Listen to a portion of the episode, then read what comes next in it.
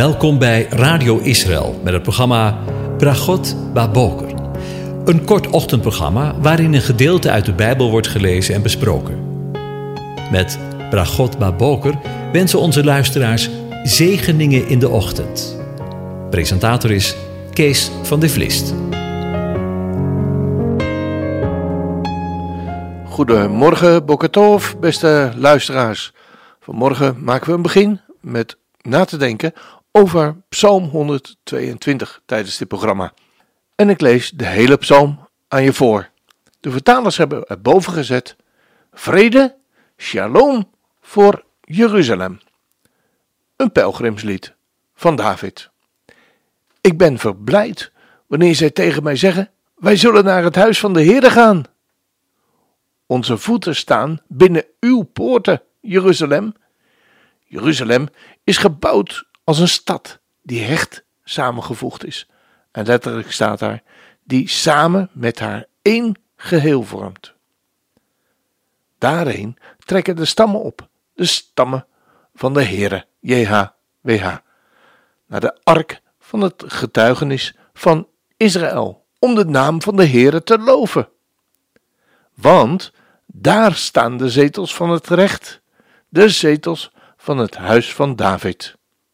Bid om de vrede van Jeruzalem. Laat het goed gaan met hen die u lief hebben. Laat vrede binnen uw vestingwal zijn. Rust in uw burchten. Omwille van mijn broeders en mijn vrienden spreek ik nu vrede, shalom, zij in u. Omwille van het huis van de Heere onze God zal ik het goede voor u zoeken. Tot zover. En in de Joodse Bijbel, vanuit de Hebreeuws gelezen, lezen we het zo. Een lied van beklimmingen van David. Ik verheugde me toen ze tegen me zeiden: Laten we naar het huis van de Heer gaan. Onze voeten stonden binnen uw poorten, o Jeruzalem. Het gebouwde Jeruzalem is als een stad die in zichzelf samengevoegd is. Daar stegen de stammen op, de stammen van God, getuigenis van Israël, om de naam van de Heere te danken. Want er waren tronen voor het gericht, tronen voor het huis van David. Vraag om het welzijn van Jeruzalem. Mogen degenen die van je houden genieten van rust. Mogen er vrede zijn in uw muur, rust in uw paleizen. Ter wille van mijn broeders en mijn metgezellen zal ik nu over vrede in u spreken. Ter wille van het huis van de Heer, onze God, zal ik om goedheid voor u smeken. Tot zover. Ja, u raadt het misschien al. Over Jeruzalem gesproken.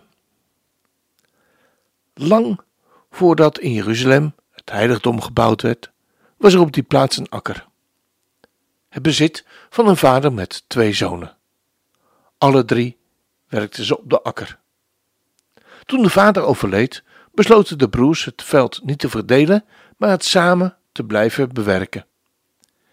De ene broer had een vrouw en kinderen, en de ander was alleen. In de eerste oogst verdeelden ze de opbrengst. Ieder bracht zijn aandeel naar zijn eigen graanschuur. Die nacht konden ze geen van beiden slapen. De ongetrouwde broer verweet zichzelf dat het toch niet rechtvaardig was dat hij alleen evenveel zou krijgen als zijn broer met zijn hele gezin.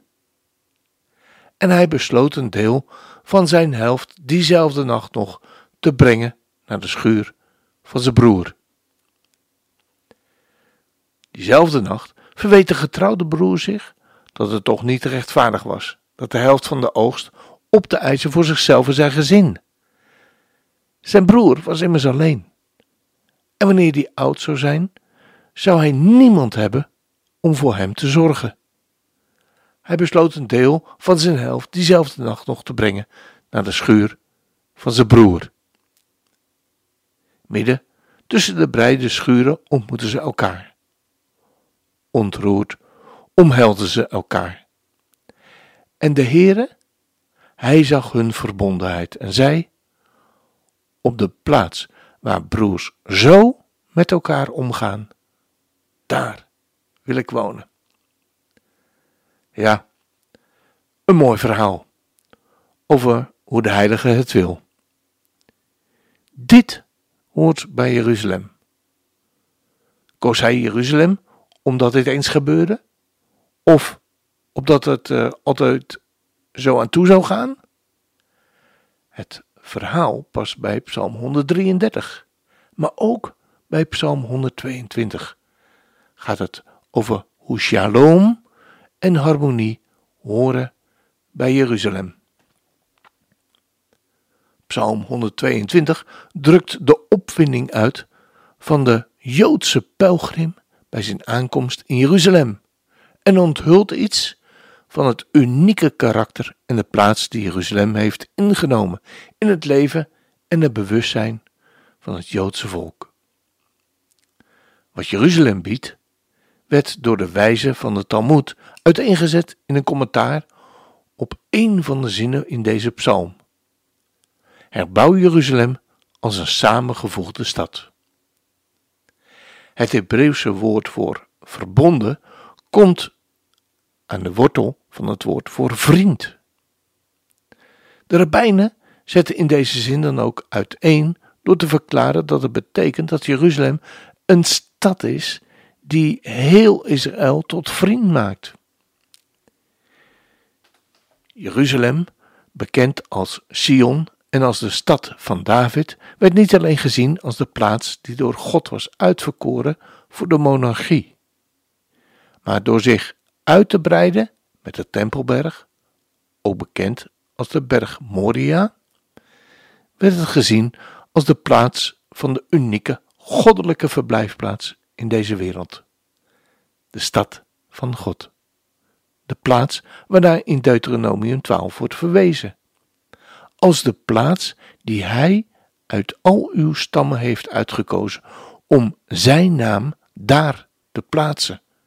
Gij zult Hem zoeken in Zijn heiligdom en daar komen om offers te brengen. Zo lezen we. De Joodse traditie beschouwde deze plaats dan ook als de plaats waar hemel en aarde met elkaar worden verbonden.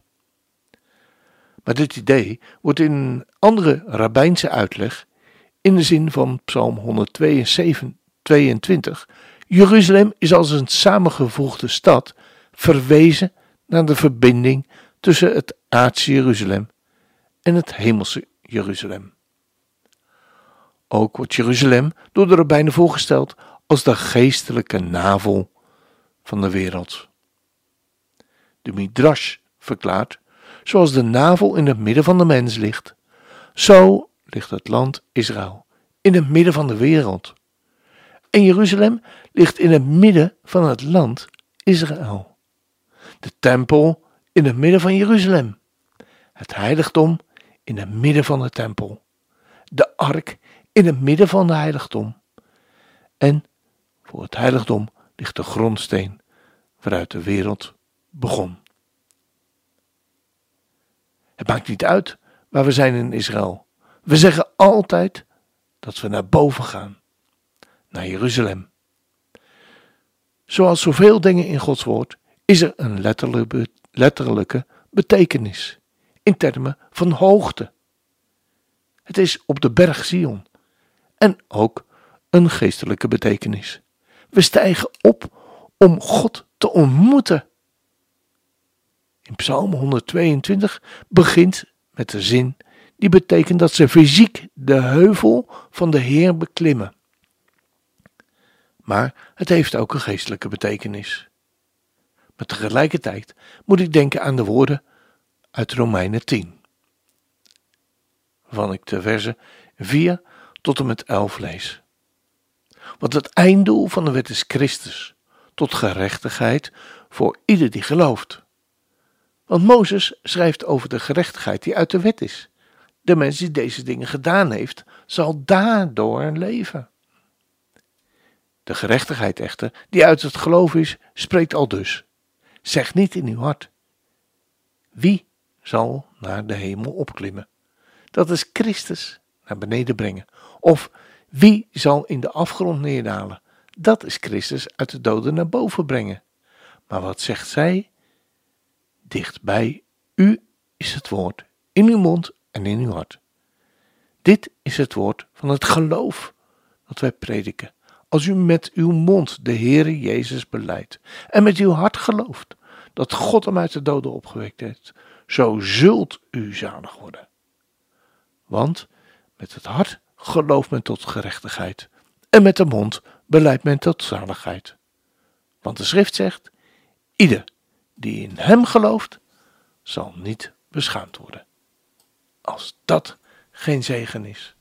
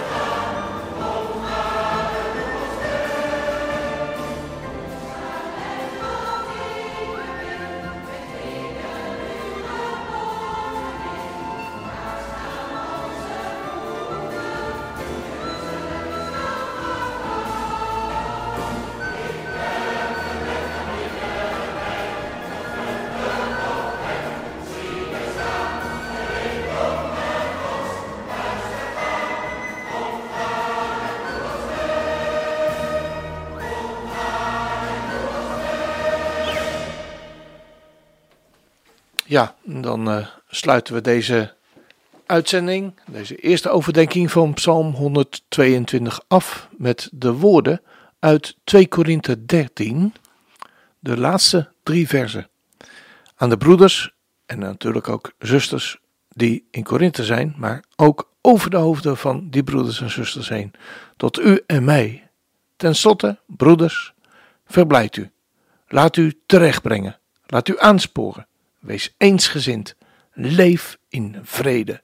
Leef in shalom. En de God van de liefde en de vrede zal met u zijn. Groet elkaar met een heilige kus. Al de heiligen groeten u. De genade van de Heer Jezus Christus, de liefde van God en de gemeenschap van de Heilige Geest zijn met u allen. Amen.